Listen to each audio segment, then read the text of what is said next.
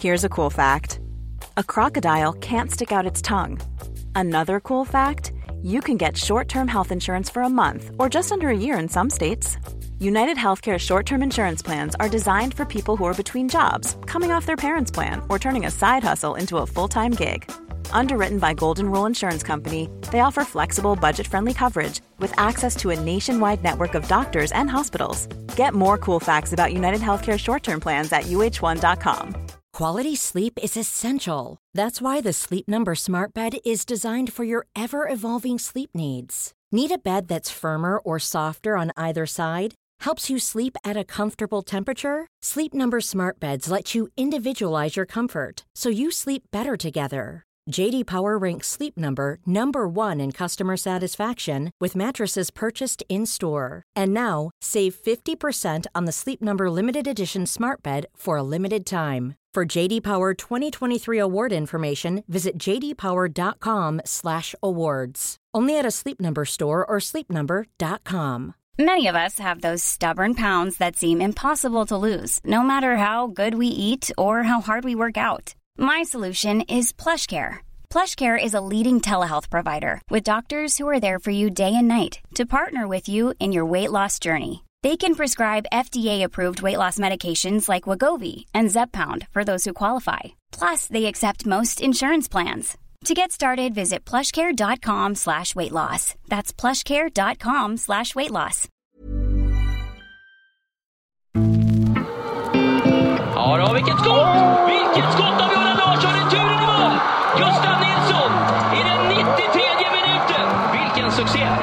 Så ska man avsluta en match. Och så får Gustav Nilsson göra mål för första gången i landslagströjan. Gustav Nilsson! Och vilket mål! Ja, Gustav Nilsson har spräckt målnollan och som man gör det! Är det möjligt? Jag tycker... Gustav Nilsson har onekligen haft en svängig karriär. Från jagat superlöfte till skadebenägen och ifrågasatt. Och nu succé i Belgien. Den anfallaren har tagit en lång och krokig väg till det belgiska succélaget Union Saint-Gilloise där han fortsatt att göra mål och fått möjlighet att spela i Europa League. I podden berättar Nilsson bland annat om hur det gick till när han hamnade i Belgien och vad som är nycklarna bakom framgångarna. Blivit mer eh, fysisk kanske, inte så ranglig som jag var i början av min karriär. Eh, fått lite mer muskler, lite mer rutin, eh, vet lite mer hur jag ska använda min kropp och hur jag ska komma till lägen. Eh, I början så var det väl mycket att man blir nedtryckt och sådär. Nu kan man stå emot på ett lite bättre sätt. Vi talar om de skadefyllda åren i Danmark och Sverige och att det faktiskt fanns tvivel kring den egna förmågan. Men även om vändningen i den tyska tredje divisionen och hur det blev precis den språngbräda som behövdes i karriären. Det är väl det som är charmen med fotboll lite. Att så fort som det går ner så kan man ändra på det väldigt snabbt med och, och som du säger, det gick väldigt fort upp. Och, men man är hungrig för ännu mer. Man blir, man blir aldrig nöjd liksom. Uh, och det är ju där jag har drömt om sedan jag var liten. Och det är väl sällan att karriärer går spikrakt uppåt och det är många som hackar på vägen. Och det får man väl säga att jag har gjort. Eh, men uh, trivs jag väldigt bra här och ser fram emot att fortsätta. Vi pratar givetvis om genombrottet i Falkenbergs FF. Det stora intresset som då fanns för en 17-årig Gustav Nilsson som till sist valde att flytta till Bröndby han hamnade i kläm efter både en egen skada och en skandal i klubbledningen som fick tränaren att hoppa av. Det är tufft såklart. Man är, man är ung eh, och eh, kanske inte har haft det så innan man eh, varit talang och som du säger ändå en eftertraktad och så kommer man dit och så byter de tränare och sen så, så är man inte, alltså han kanske inte vill ha mig liksom. Eh, det är klart det är tufft. Man eh, har många långa kvällar där och sådär. Men eh, man lär sig av det också. Podden är naturligtvis mycket mer än så här. Vi pratar om Union Saint-Gilloise metodik som hämtar inspiration för det som kallas Moneyball och om samröret med Premier League-klubben Brighton. Vi talar landslaget inför Belgien-mötet och om att Nilsson både fick debutera och göra mål under Janne Andersson. Samt de tydliga framtidsdrömmarna, om spel i en större liga och att fokusera på den dagliga verksamheten i den belgiska klubben. Men som vanligt börjar vi podden med en faktaruta.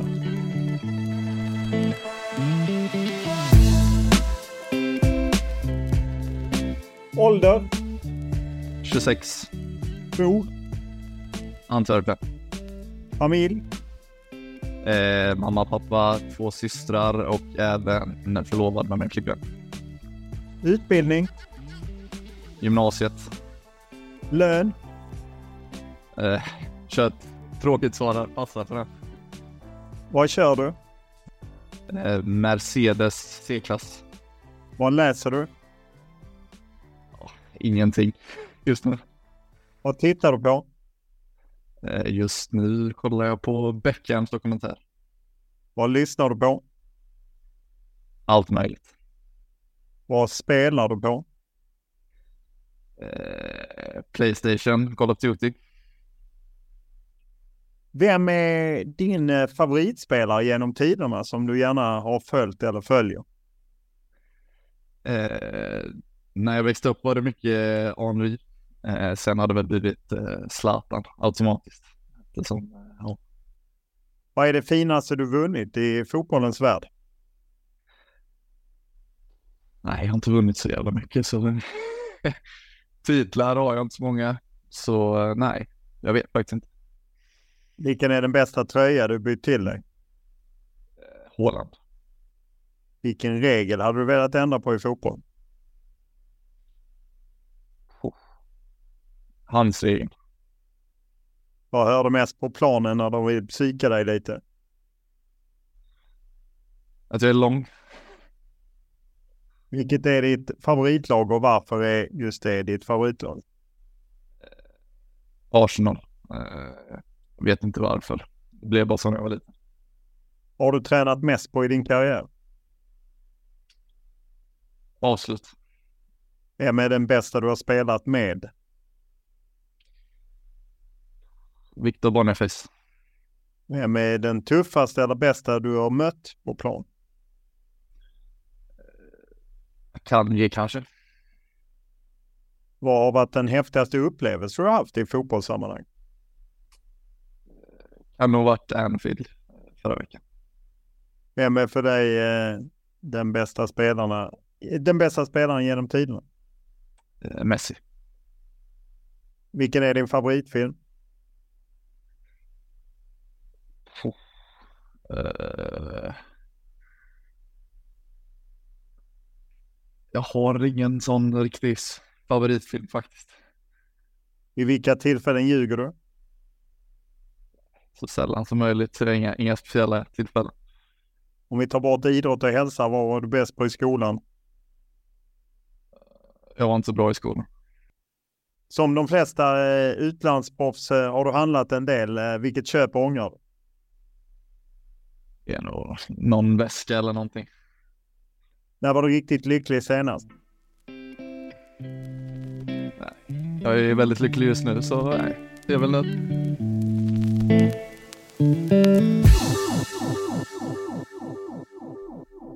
Du gör ju eh, succé lite i skymundan får man väl ändå säga i Belgien. Eh, Fem mål hittills eh, för Union Saint-Gilloise. Är det så man uttalar det? Ja, ja bra. Eh, och som ju ni är topp eh, på ligan, ni spelar Europa League och så. Hur, hur är det att smälla dit ett par mål och, och känna att det lossnar? Nej, men det är skönt såklart. Eh, förra året eh, när jag kom hit så blev det väl mer att jag hade en eh, roll eh, och där jag kom in väldigt mycket, startade lite matcher här och där. Eh, men nu i år så har det blivit mer att jag, jag har fått starta fler matcher kontinuerligt eh, och på så sätt fått mer självförtroende och kommit in i det mer och mer. Så det är såklart skönt att när man väl får spela att man tar vara på det och, och gör lite mål och, och sådär. Så det är skönt. Ja, när man kollar statistiken, startat i Europa League, eh, Liverpool borta som du nämnde, Anfield var en häftig upplevelse även om ni fick stryk. Toulouse hemma. Mer inhopp kanske i ligan. Hur, eh, hur tuff är konkurrensen i, i klubblaget? Nej, men vi har en del. Eh, vi har fyra, fem anfallare som konkurrerar om ja, en, ibland två positioner. Så den är väl tuff, men vi, vi har väl ganska olika profil, eh, de anfallarna vi har, alltså olika sätt att spela, så det har väl varit att tränarna har valt lite olika beroende på vilka matcher vi spelar och sen så har det även varit jag började säsongen, eh, jag fick en liten skada så jag fick börja på bänken mycket eh, och då gjorde han som spelade väldigt bra. Eh, sen så fick han, han en liten skada och så har jag kommit in nu mer och mer och, och gjort det bra så det är väl bra tycker jag. Första säsongen i, i den belgiska klubben så gjorde du 11 mål på eh, lite över 40 matcher i olika tävlingar. Nu har du gjort fem mål i, i ligaspelet. Hur, är det nickar på 1,97 eller är det mer spritt målskytte? Det har varit lite både och. Eh, absolut några nickar har det varit. Eh, eh men ja, senast var det en nick på en straff så det har väl varit lite mixat ändå. Eh, hur är belgiska ligan i, i, Sverige? Har vi ju sett många spelare som haft tufft eh, när de har kommit till belgiska ligan. Definitivt inte alla, men en del. Ja, men det är väl en sån en, en klassisk grej att det är, de säger att det är svårt för svenska spelare, men jag vet inte riktigt varför det har varit så eller sådär. Personligen så tycker jag att det, det, det är såklart en bra nivå här. Eh, blandning mellan fysi, fysiskt och spelskickliga lag. Eh, så det är svårt att sätta fingret på vad, vad som har gjort att det har gått dåligt för svenska spelare här, men personligen så tycker jag det, det är en bra liga, men det känns bra personligen. Hur, hur resonerade du när det, budet kom upp för eh, då, drygt ett år sedan när du hade gjort bra i, i tyska tredje ligan? Nej, då var det väl att eh, det var en väldigt ny klubb eh, uppe på, alltså de hade precis kommit upp från andra ligan och varit nere i de lägre divisionerna väldigt länge. Det var en storlag, ett storlag förr. Eh, men att de var ganska nya och kom upp och gjorde det bra direkt. Eh, kom ut i Europa och att jag skulle få chansen på att spela i Europa och eh, även vara med i ett topplag. Det, det är såklart inga garantier eh, med det, men det var väl så jag resonerade att Europa lockade. Eh, tio omgångar i spelade. Eh, ni leder eh, tätt före Anderlecht och eh, Gent eh, som väl många känner igen och Antwerp, eh, Royal Antwerp som eh, ju spelar Champions League med Jakob Ondrejka och så. Hur, eh, hur tror du att ni står er? Jag tror vi kan, vi kan stå oss bra. Eh, vi, vi har visat än så länge efter de första tio matcherna nu som du säger att vi, vi vill vara med där uppe även i år. Eh, sen så är det såklart en lång säsong och eh, allt det här, men vi vill försöka vara med topp sex så vi kommer till till avslutspelet. Eh, och sen så får vi ta det så långt det kommer. Liksom. Ja, hur upplever du slutspelet? För att eh, ni toppade ju ligan innan man gick in i slutspelet och då blev ni till slut tvåa, vilket ju ändå eh, var starkt naturligtvis. Men eh, eftersom ni är så nya i, i högsta divisionen eh, hur, hur ser du på det upplägget man har med ett slutspel?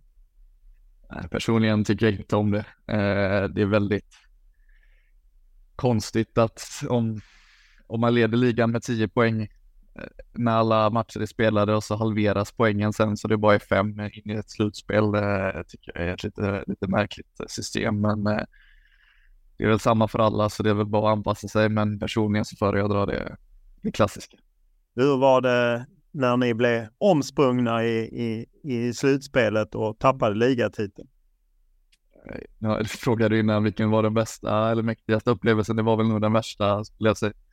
Det var, eh, det var lite surrealistiskt. Det kändes som att eh, den klassiska att det var klart liksom. Eh, och sen så gör de det målet i slutet och, och, och vi tappar det så det var, nej, det var, var mörkt på många sätt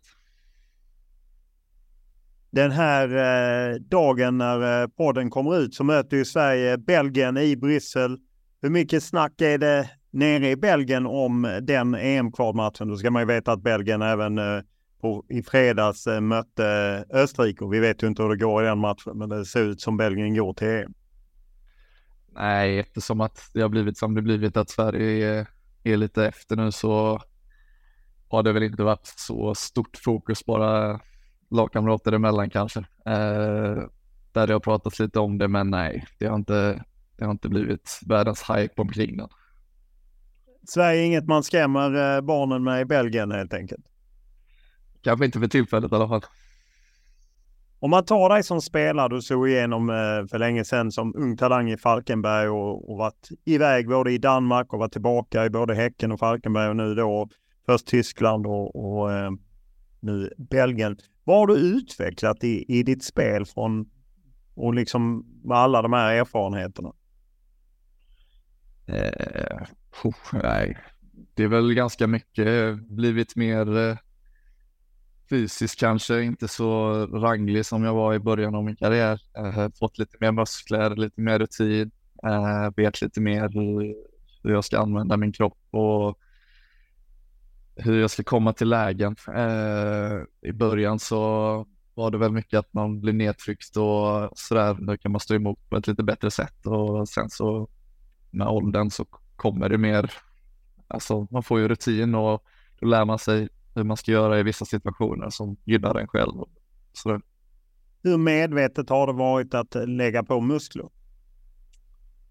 Nej, nu de senaste åren så har det blivit varit väldigt medvetet. Jag kände väl att jag inte räckte till riktigt, så då blev det att man körde många extra timmar i gymmet för att bygga på sig lite muskler. Så absolut de senaste åren. Hur eh, mycket svårare är det att flytta på dig i straffområdet idag? Det är väl inte omöjligt fortfarande, men eh, det har absolut blivit svårare tycker jag. Även om fått eh, på mig lite mer muskler så absolut svårare. I det andra spelet, hur mycket har du utvecklat det förutom att du har blivit starkare? Nej, men det är såklart som en stor anfallare så är det mycket att få fast bollen och hålla i den och jobba på sin första touch och få fast bollen som sagt och kunna sätta upp sina mittfältare när man är felvänd och sen eh, löpa in i boxen och vara farlig där. Så det, det har väl varit mycket. Vilka viktigaste erfarenheter har det varit av att, jag menar att det har gått upp och ner med flyttar och, och lån och, och liknande? Vad har varit viktigt där? det, det främsta är väl skadorna. Eh, det var väldigt hackigt eh, i början där genom Danmark och även eh, till Häcken. Alltså, det var mycket och i Falkenberg där på lånet med, så det var mycket skador. Det blev väldigt hackigt. Jag fick spela tre, fyra matcher kanske och sen så åkte jag på någonting så jag inte kunde fortsätta jobba, jobba på spelet liksom. Nu de senaste åren så har jag fått spela väldigt många mer matcher och då då kommer man in i det på ett annat sätt och får självförtroende och då blir det enklare. Hur eh, trivs du med livet i Antwerpen? Eh, väldigt bra faktiskt. Eh, väldigt fin stad, lagom stor. Eh, visste inte mycket om den innan. Eh, laget är från Bryssel egentligen, men det är närmare träningsanläggningen härifrån så det är därför jag bor här. Så det är nej, väldigt positivt till denna stad. Eh, och hur mycket anpassar du dig med språk och, och liknande? Hur hänger du med med franska och annat? Nej, det, ingenting skulle jag säga. Det, det blir bara engelska på träningarna. Vår tränare är tysk så han kör allt på engelska också så det, det blir inte många lektioner. Eh, när du först eh, hörde talas om att de vill eh, värva dig, jag gissar att du ändå inte hade du kanske hade koll på kanske Anderlecht och Club Brygge och så. Jag gissar att du kanske inte hade koll på Union Saint-Gilloise Gilloise eh, fullt ut. Eh, vad var första reaktionen när de hörde av sig? Nej, det är som du säger, först var det väl vilka är det typ. Eh, jag följde inte belgiska ligan någonting eh, och hade dålig koll på, på de belgiska lagen överhuvudtaget och speciellt Union. Men sen så när de eh, visade intresse så fick man ju läsa på lite och det var som jag sa innan att då såg man att de hade blivit flyttade och gjort det bra direkt och som sagt skulle spela i Europa och det, det lockade väldigt mycket. Eh, de som inte känner till klubben är ju en klassisk klubb som vann otroligt mycket, eh, kanske första 50 åren på 1900-talet, men ju varit borta från toppfotbollen i närmare 50 år. Hur, hur märker man det? Nej, men det är väl lite att det är, det är ju en Brysselklubb, men vi tränar inte i Bryssel kanske och lite med anläggningarna och sådär och ja, det är väl så på så sätt. Vår arena är väldigt unik. Eh, inget negativt med den. Den är hundra år gammal nästan. Eh, väldigt mysig arena, men det är väl, det är väl lite sånt. Hur är trycket kring klubben? Väldigt eh, positivt. Alltså, våra fans är fantastiska. Vi de hördes nästan mest på Anfield hela, alla 90 minuter senast och de följer oss överallt. Så de, det är väldigt bra stämning runt omkring just nu för vi presterar på planen och då fansen är med oss så det är absolut det är bra. Eh, det är ju tysk tränare som du nämnde, Alexander Blessin eller Blessin eller hur man nu uttalar det på tyska. Hur är han? Eh, vad, vad vill han se av eh, sin svenska anfallare? Nej, han har kommit in med lite annan filosofi. Det har väl blivit lite klassiskt tyst med gegenpress och mycket framåt-tänk liksom. Eh, få fram bollen snabbt plan och eh, springa mycket och ha bollen såklart och vara lugna med bollen när vi har den. Men eh, mycket springa, jobba ihop och söka spelvägar framåt hela tiden. När jag kollar igenom truppen så visst, det finns eh, Kevin McAllister som väl då mötte sin brorsa i, i, när ni möttes på, på Anfield och så. Men eh, annan svensk Joakim Imbrecht. Men annars, det är inte jättemånga spelare man känner igen. Eh, det känns som att det är lite, ja, att man har plockat spelare som kanske inte är jättekända men som ändå levererar. Väldigt många olika nationaliteter. Jo, absolut. Det, det, är väl lite det som de är kända för, att de scoutar sina spelare väldigt bra och plockar dem från alla möjliga olika ligor och länder. Eh, och det har de ju lyckats väldigt bra med. De har sålt flera spelare. Ja, inför den här säsongen så tappade vi säkert fem, sex startspelare som de har plockat in och de plockade in eh, Undav för något år sedan och sålde honom till Premier League och lite sådär. Så de är väldigt duktiga med sin scouting och det får de betalt för nu. Ja, och de eh, jobbar ju lite som eh, med det här som man kallar moneyball och man, ja men liksom mycket statistik och så. Vet du vad det var som gjorde att de fastnade för dig i, i tyska tredje ligan? Nej, inte. Jag har inte pratat så mycket med dem om det, men jag vet att det var mycket för statistik som du säger. Det var väl vilka, vilka ytor jag rörde mig i och vad jag gjorde på planen. Det, det har jag fått eh, förklarat i alla fall, men sen på det, inte detaljerat sådär, men det var väl hur jag rörde mig och sådär. Ja, det, trycker de på det liksom i träning att det är det här vi vill ha ut av dig eller det, det är liksom kanske mer fasta mönster hur man ska göra eller är det fritt? Nej, men det är väl hyfsat fritt ändå tycker jag. Eh, de, de plockar in sina spelare och så litar de på dem. Eh, de vi har vår spelidé och förra året så var det väldigt enkelt, eller vad man säger, att komma in i det. Eh, alla visste vad man skulle göra och nu har det blivit lite ändrat i år, men fortfarande väldigt tydligt på tydligt men fritt på samma gång. Eh, så ja, det är väl en mix. Vad är de viktigaste punkterna för dig? Vad tycker de på att du ska göra? Det är väl lite beroende om jag spelar ensam eller eh, med någon jämte mig. Men eh, nu när jag spelade ensam senast så är det väl att få fast bollen, eh, sätta tillbaka det på åttorna och sen så vara inne i boxen när chanserna dyker upp. När vi spelar med två så har jag spelat med en väldigt snabb spelare och då har det varit mycket att jobba tillsammans med honom, vara nära med honom och kanske skarva vidare till honom när, när bollarna kommer och lite så. Eh, klubben var ju tidigare majoritetsägd av Tony Bloom som ju äger Brighton också. Eh, nu är ju inte det längre så. Uefa gav väl lite bakläxa så att eh, nu är det hans affärspartner som innan var Alex Musso. Jag gissar att du har koll på, på det, de skiftena.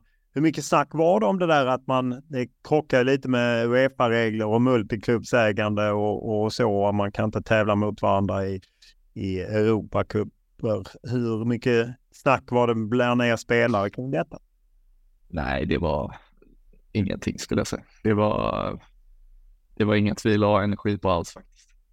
Eh, hur eh, känner man av att de eh, jobbar just på med det här med Moneyball och väldigt tydliga modeller och att de har tagit oerhörda kliv? Jag menar både de och eh, Brighton har ju tagit väldiga kliv eh, fotbollsmässigt och även framgångsmässigt. Jo, men det är väl det med här scoutingen i sådana fall, att de är, har varit väldigt duktiga på det och när vi har värvat spelare så har man väl tänkt vem, vem är det och de kommer från alla möjliga håll och så det är väl mest det att man känner kanske inte till så många spelare som kommer in i klubben. Eh, Vilken närhet finns till Brighton? Är det liksom att uh, man kan hamna där ungefär som RB Leipzig och uh, RB Salzburg, att det ändå byts ut spelare? Jag menar, McAllister, brorsan var ju i Brighton innan han gick till Liverpool. Och uh, yngre brorsan är det väl som är hos er? Ja, nej. Sen har väl McAllister, så brorsan som var i Liverpool, eller i Liverpool nu, ingen koppling till Union på det sättet, men eh, nej, man märker ingen skillnad. Det är såklart några spelare som har varit på lån där och eh, någon som har blivit eh, signad till Brighton, men eh, nej, man märker ingen skillnad eller ingen sammanhang med. Finns det ändå en känsla av en närhet till Premier League att göra det bra här kan jag hamna i Brighton och Premier League? Kanske inte till Brighton, men eh, eller såklart till Brighton med, men till Premier League kanske för att det, man har sett många belgiska spelare gå till till, eh, till Premier League eh, nu med Burnley och company och, och sådär. Så det är väl att man öppnar upp det skyltfönstret med som man säger. Och att gör man det bra i Belgien så finns det goda möjligheter att komma till, till England med. Du har ju varit i ett par klubbar i Sverige och tre klubbar i Danmark och en klubb i lägre division i, i Tyskland. Vad, vad är det som utmärker verksamheten i Belgien av det du ser? Väldigt svårt att svara på. Uh, det, det är olika i, på varje plats jag har varit, liksom, hur man jobbar och sådär, men det är väldigt svårt att sätta fingret på vilket, vad som är speciellt i Belgien, men det är väl mycket, mycket fotboll liksom, spela mycket och utveckla passningsspel och det är väldigt fysiskt här med, så med gym och allt det här. Men det är väl klassiskt överallt tänker jag. Just det fysiska hör man ju ofta om den belgiska ligan att eh, det är tuffa tag. Eh, hur är det för dig som anfallare där det kan vara en del tuffa backar? Jo, men det blir väl en, en del tjuvknep lite där och där, men eh, nej, jag gillar det. Det är, det är kul nu. När man har fått lite muskler så kan man ge tillbaka lite med, så då, jag gillar det. Vad är ditt eh, favorittjuvknep? Nej. Nej, bara puttas och hålla på med dem. Det, det är lite så. Det är mycket att stå på, stå på eh, ens fötter och liknande som man inte kan hoppa och, och så. Kör man... Ja, men mycket dra, mycket dra i varandra har det blivit faktiskt. Men eh, det är klart att sånt händer med. Men det, det är väl bara om man är irriterad på dem. Ja, hur mycket får man eh, acceptera att man får stryk? Hur är domarnivån? Liksom, är de stränga eller är, är det lite nästan engelsk Championship att de tillåter väldigt mycket? Eh, men det, som fotbollsspelare är man väldigt förbannad på domarna hela tiden. Så det, det, är ingen skillnad där. Eh, men det är såklart att man får, man får ge och ta lite. Ibland så tycker man det är för billigt och att försvararna får alldeles för mycket med sig. Men eh, det kommer man nog inte ifrån vad man är. Vad, vad är det långsiktiga målet för klubben? Vad kommunicerar de till er att, att ni ska bli? De vill ju cementera fast sig som en toppklubb i, i Belgien och vara ute i Europa. Eh, de jobbar på ny arena och ny träningsanläggning här och de vill verkligen fortsätta med det vi har gjort de senaste åren och verkligen bli ett stabilt lag. Liksom. Eh, under eh, din första säsong så kvalade ni till Champions League, nådde inte in där, men eh, gick ju långt i Europa League, slog ut Union Berlin bland annat och Malmö slog ni i gruppspelet. Eh, eh vilken kvalitet håller ni?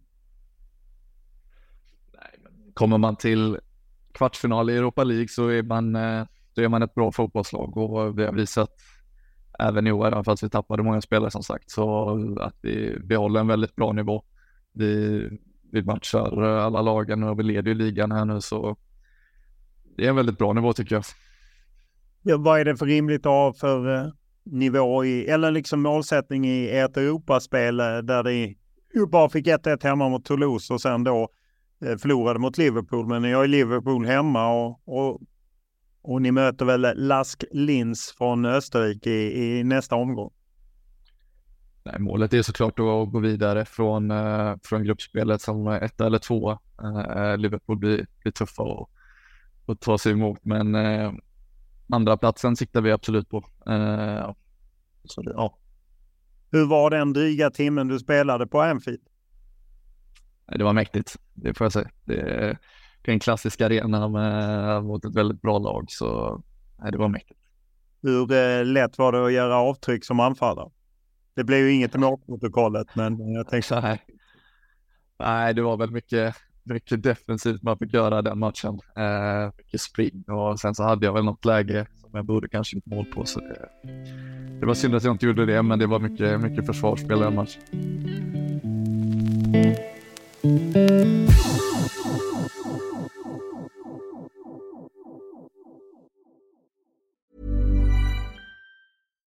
Here's a cool fact a crocodile can't stick out its tongue. Another cool fact you can get short term health insurance for a month or just under a year in some states. United Healthcare short term insurance plans are designed for people who are between jobs, coming off their parents' plan, or turning a side hustle into a full time gig. Underwritten by Golden Rule Insurance Company, they offer flexible, budget friendly coverage with access to a nationwide network of doctors and hospitals. Get more cool facts about United Healthcare short term plans at uh1.com.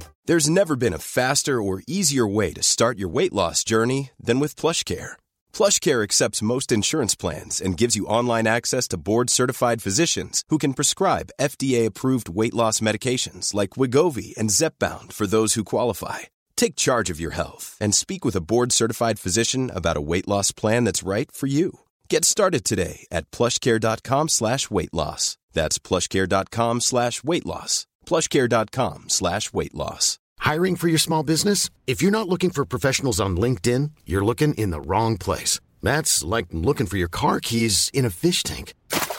LinkedIn helps you hire professionals you can't find anywhere else, even those who aren't actively searching for a new job but might be open to the perfect role. In a given month, over 70% of LinkedIn users don't even visit other leading job sites. So start looking in the right place. With LinkedIn, you can hire professionals like a professional. Post your free job on linkedin.com slash people today.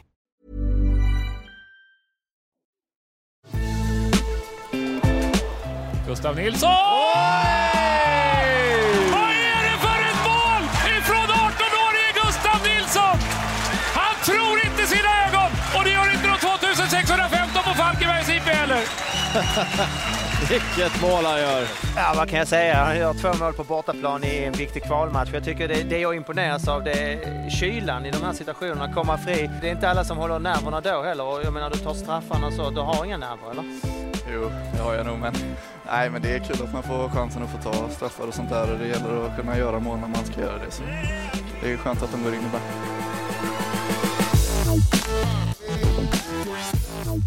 Om vi hoppar åtta år tillbaka i tiden eh, så är du ju talang i Falkenberg och gör eh, avtryck eh, och så. Hur, hur var det när du slog igenom? Du var ju lite valpig om än lång och skicklig. Jo, det var, det var härliga tider. Jag gick, i skolan på gymnasiet i Falkenberg och fick ju allsvensk debut som 17-åring och så det var, det var väl att man levde lite i en bubbla som i en dröm nästan. Eh, jag har alltid, alltid velat spela fotboll och hade väl kanske inte någon, någon backup-plan riktigt så jag väl fick A-lagskontrakt där och slog igenom så var det ju bara lycka liksom. Eh, och så då, det var, det var början på ett, på ett äventyr. Hur viktig var Falkenberg för dig då? Väldigt viktigt. De, jag har ju spelat i Falkenberg hela mitt liv. Eh, aldrig bytt lag eh, som junior eller ungdom sådär. Så de har ju hjälpt mig till den spelare man är. Eh, så absolut, det har varit ett stort, en stor grej. Hur är känslan att se dem i division 1? Nej, såklart så vill jag ha dem i allsvenskan. Eh, tyvärr så är det att de åkte ner två år i rad och nu är de ändå med i toppen och förhoppningsvis kan de, kan de nypa platsen och, och gå upp eh, i år till Superettan. När du var 17-åring och gjorde avtryck, gjorde lite mål och, och, och, så. Intresset blev ju ganska snabbt stort. Hur, hur var det att navigera det? Jag vet ju Blåvitt var intresserade och, och liknande. Hur, hur var det för dig? Det var svårt. Jag eh, kommer ihåg ja, det med Blåvitt som sagt, de var väl intresserade så det var några klubbar som, som försökte ja, köpa mig helt enkelt. Eh, men eh, just då så kände jag mig väl inte riktigt mogen till att lämna just då. Eh, jag kände att jag ville fortsätta att spela A-lagsfotboll. Jag var ju bara 17 och hade jag blivit köpt av någon annan stor klubb i Sverige så hade det väl blivit U19-fotboll kanske. Så det var väl därför jag stannade i FF för jag visste att där hade jag chansen till att spela A-lagsfotboll. Och sen så slog jag ju mig in i, i startelvan där när jag var 18 och spelade en del matcher från start och gjorde intryck. Så då, sen efter det så blev det väl mer att nu är det väl snart dags att, att röra på sig. Hur ska man tänka som ung talang eh, när man är i det läget? Det viktigaste är ju att spela. Eh, alltså hade man blivit köpt av eh, någon klubb och man eh, sätts åt sidan helt och får spela U19 eller ja, vad som helst så man tjänar inte så mycket på det. Absolut så kanske de har lite bättre faciliteter, lite bättre, ja, med det mesta runt omkring. Men det viktigaste någonstans är att få spela fotboll på, på så hög nivå som möjligt. Eh, så personligen var det det jag gick på, att jag ville, jag ville spela A-lagsfotboll liksom. Eh, men sen är det ju alltid svårt med, med pengar och allt så här. Men eh, förhoppningsvis så kommer allt sånt senare om man bara har lite tålamod och är svårt med pengar menar du att man, att man tackar nej till pengar för egen del? Ja, absolut. Så är det ju när är man 17-18 år och inte haft ett riktigt jobb kanske och så ser man att något lag vill köpa en och man tjänar pengar eh, någonstans så kanske man lockas av det. Men eh, om man ska ge något råd så, så kommer det nog automatiskt senare om man är tillräckligt bra. Hur eh, mycket utländskt intresse var det? Det var några utländska klubbar, absolut. Eh, och det blir ju Bröndby till slut och det räknas ju som det. Så det blev Danmark där, men absolut så var det några klubbar från europeiska ligor som ville ha mig. Eh, Malmö FF är väl på dig då innan du väljer eh, Bröndby.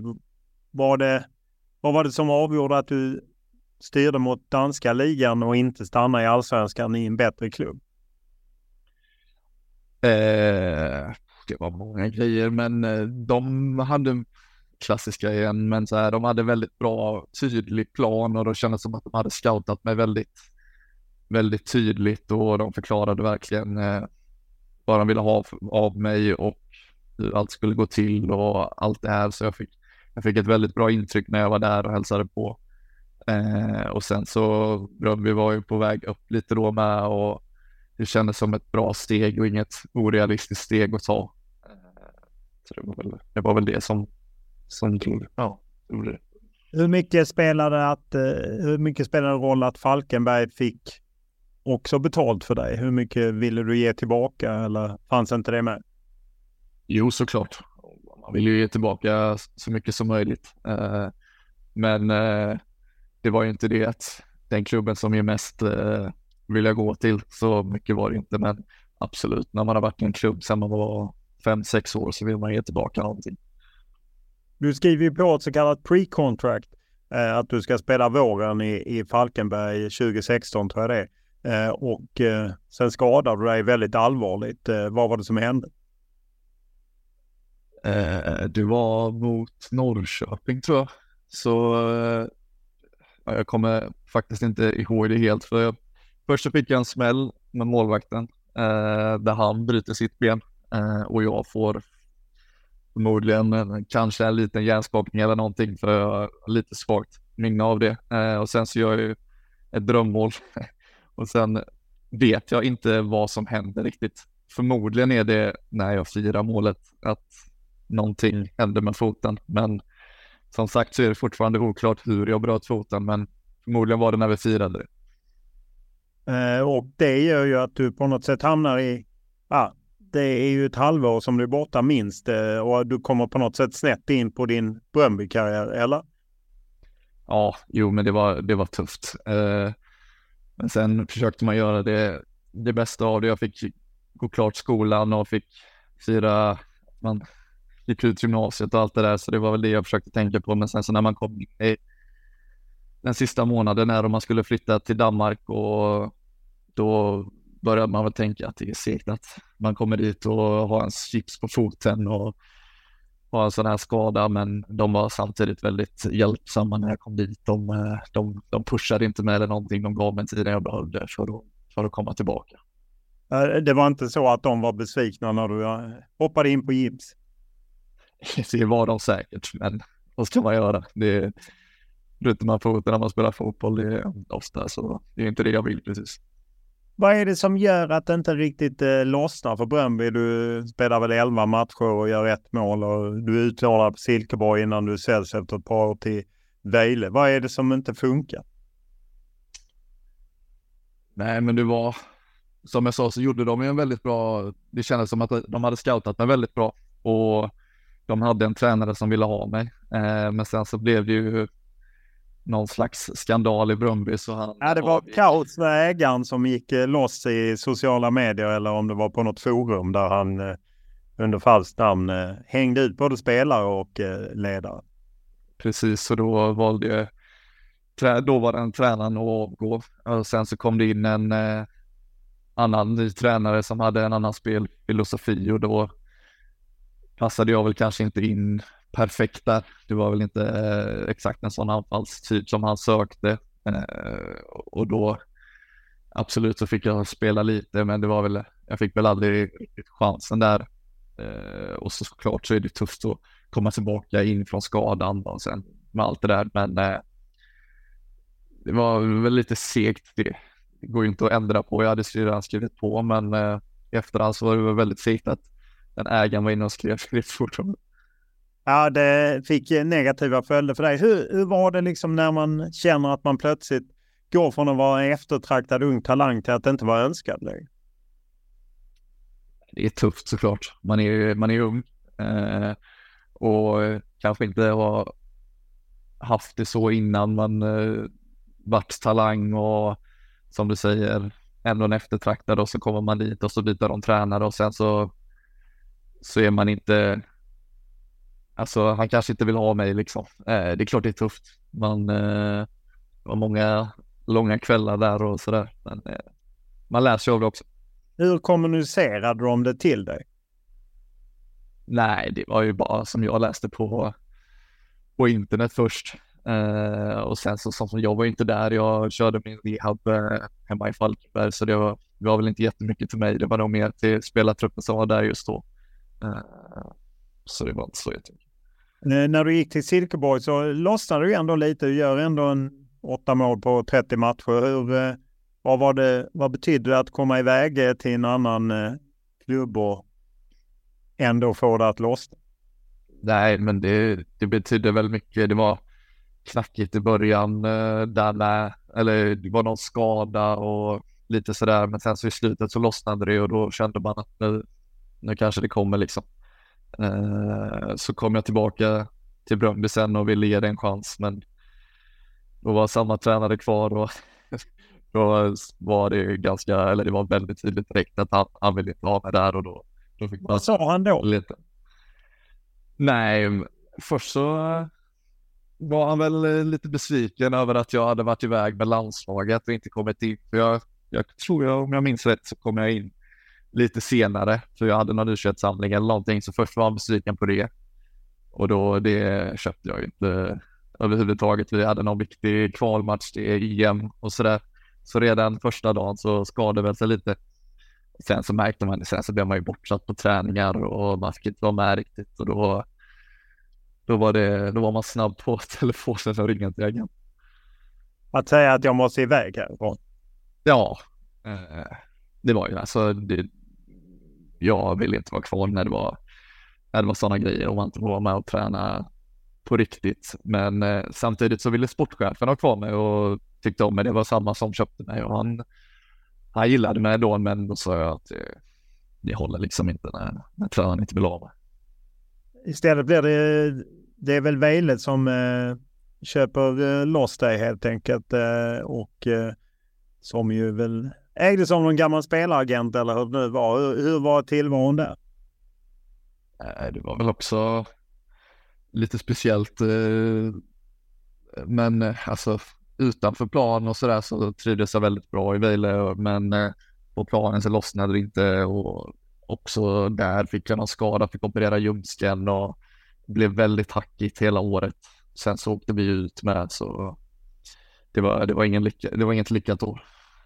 Eh, och BK Häcken kommer in som räddare i nöden, men inte heller det blev någon lyckad flytt. Vad var det Nej. som på Hisingen? Ronny Karlsson var ju väldigt nöjd när han hade värvat dig. Jo, men det kändes väldigt bra. Eh, men sen så kom jag in där med, var inte riktigt tränad. Vi, det var, vi hade haft uppehåll och jag kommer in och jag vet att jag var inte helt, helt fit. Hade något, någon skavank och lite sådär. Kom in direkt och fick starta någon match eh, och gjorde väl inte de bästa matcherna och så, så börjar man lite i motvind direkt. Eh, och sen så, nej, tyvärr så, så lossnade det aldrig där. Eh, det sista, eller det första halvåret blev det hackigt. Sen gjorde jag något mål i slutet och då får man ändå upp humöret lite och så kändes det bra över vintern och tränade på sådär och fick starta i början eh, av nästa säsong.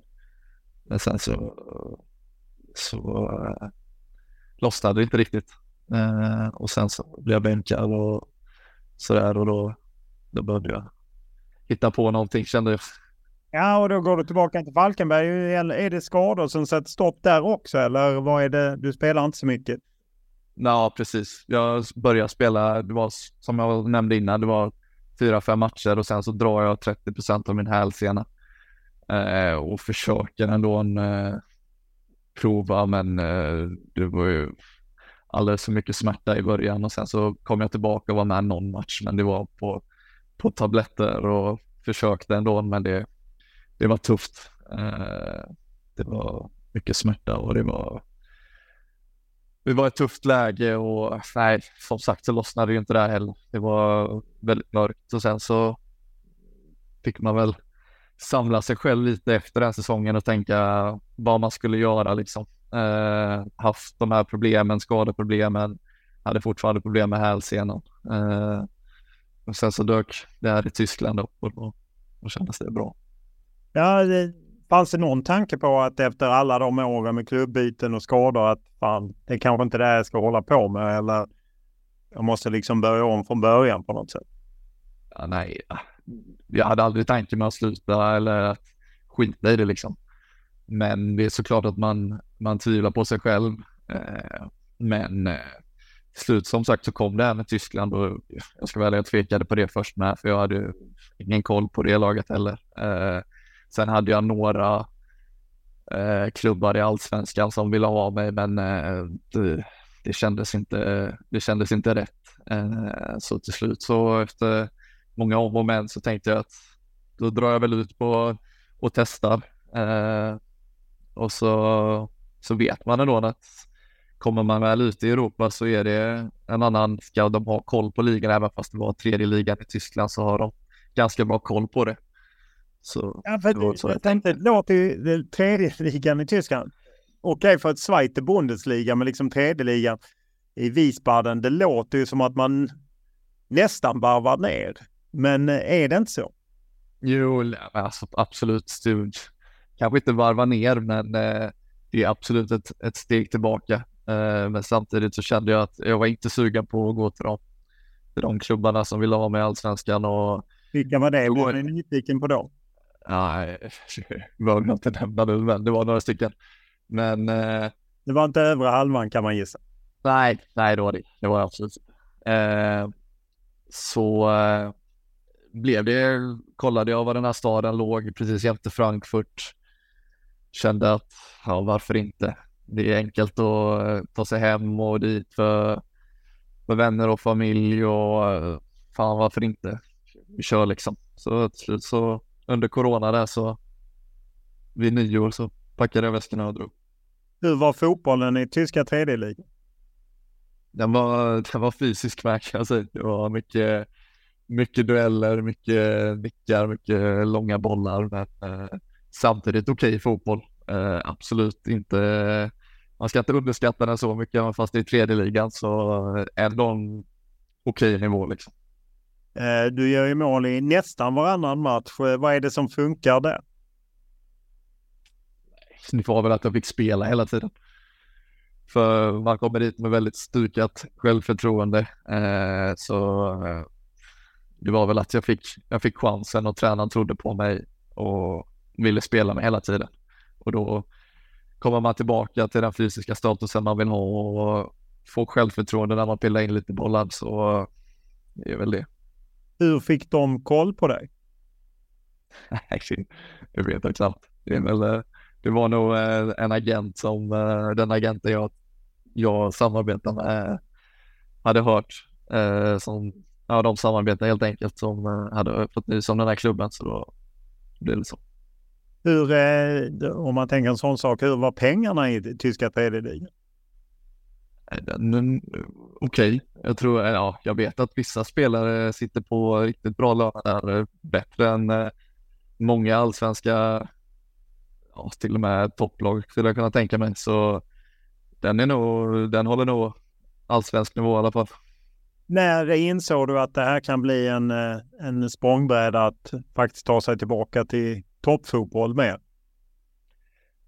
Det var väl eh, början på året där jag kom ju på vintern så första halvåret så var det väl inte så mycket men sen på hösten där när ligan började igen och jag gjorde lite mål och vi spelade mot Dortmund i, i tyska kuppen och eh, då kände man väl att det var lite mer verklighet igen och att nu, nu kör vi, då kom fansen tillbaka och även fast i tyska tredje ligan så är det väldigt populärt. Alltså det är mycket, mycket fans på matcherna. Och lite då samtidigt som det gick bra för mig så fick man väl upp glädjen för fotbollen igen lite.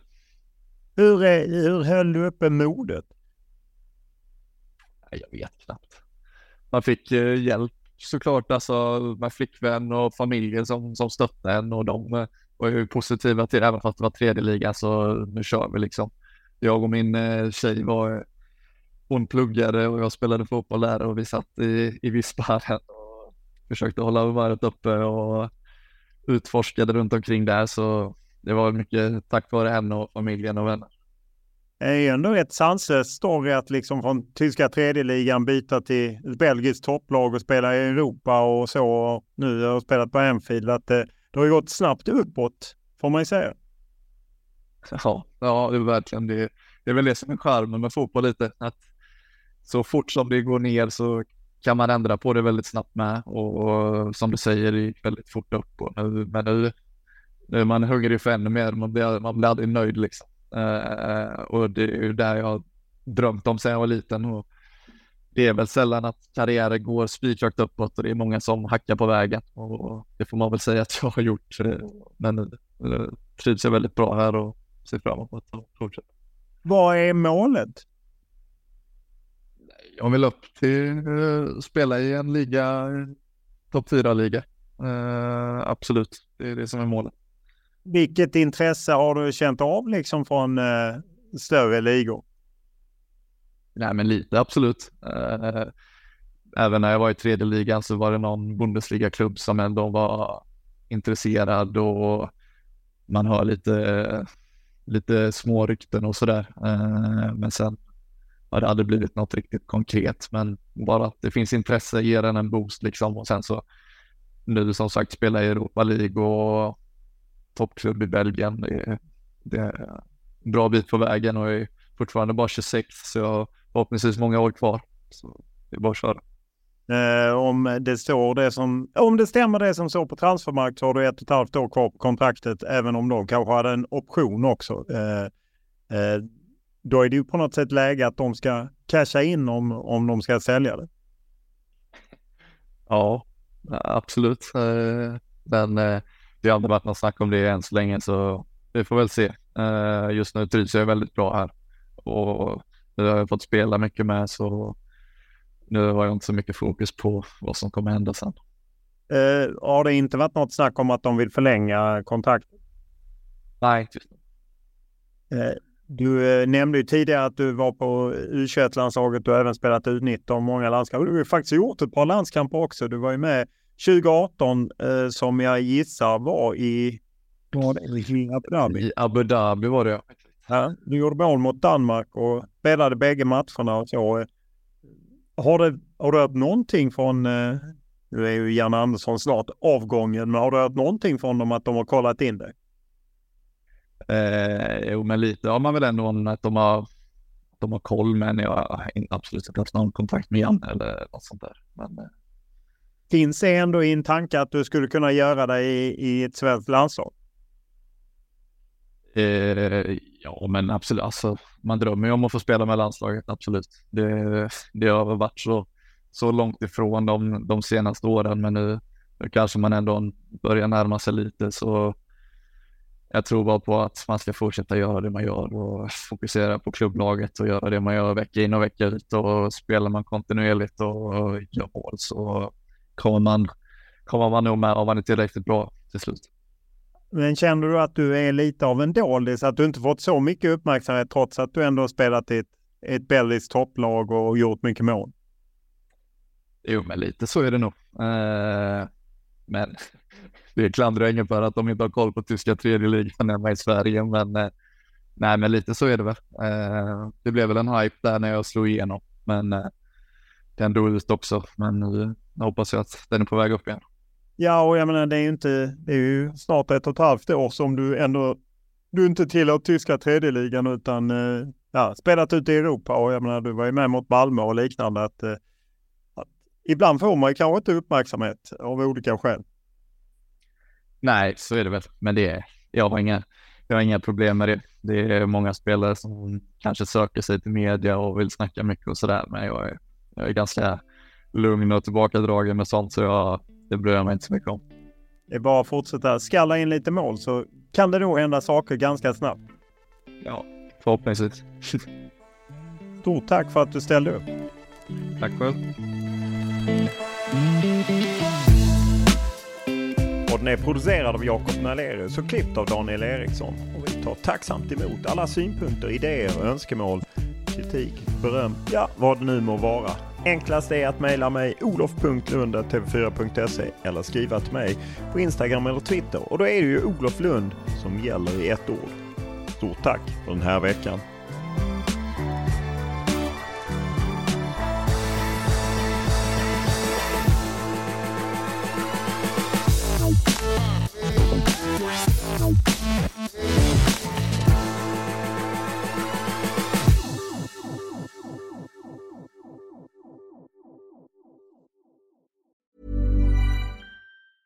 Mom deserves the best, and there's no better place to shop for Mother's Day than Whole Foods Market. They're your destination for unbeatable savings, from premium gifts to show-stopping flowers and irresistible desserts. Start by saving 33% with Prime on all body care and candles. Then get a 15-stem bunch of tulips for just $9.99 each with Prime. Round out Mom's menu with festive rosé, irresistible berry chantilly cake, and more special treats. Come celebrate Mother's Day at Whole Foods Market.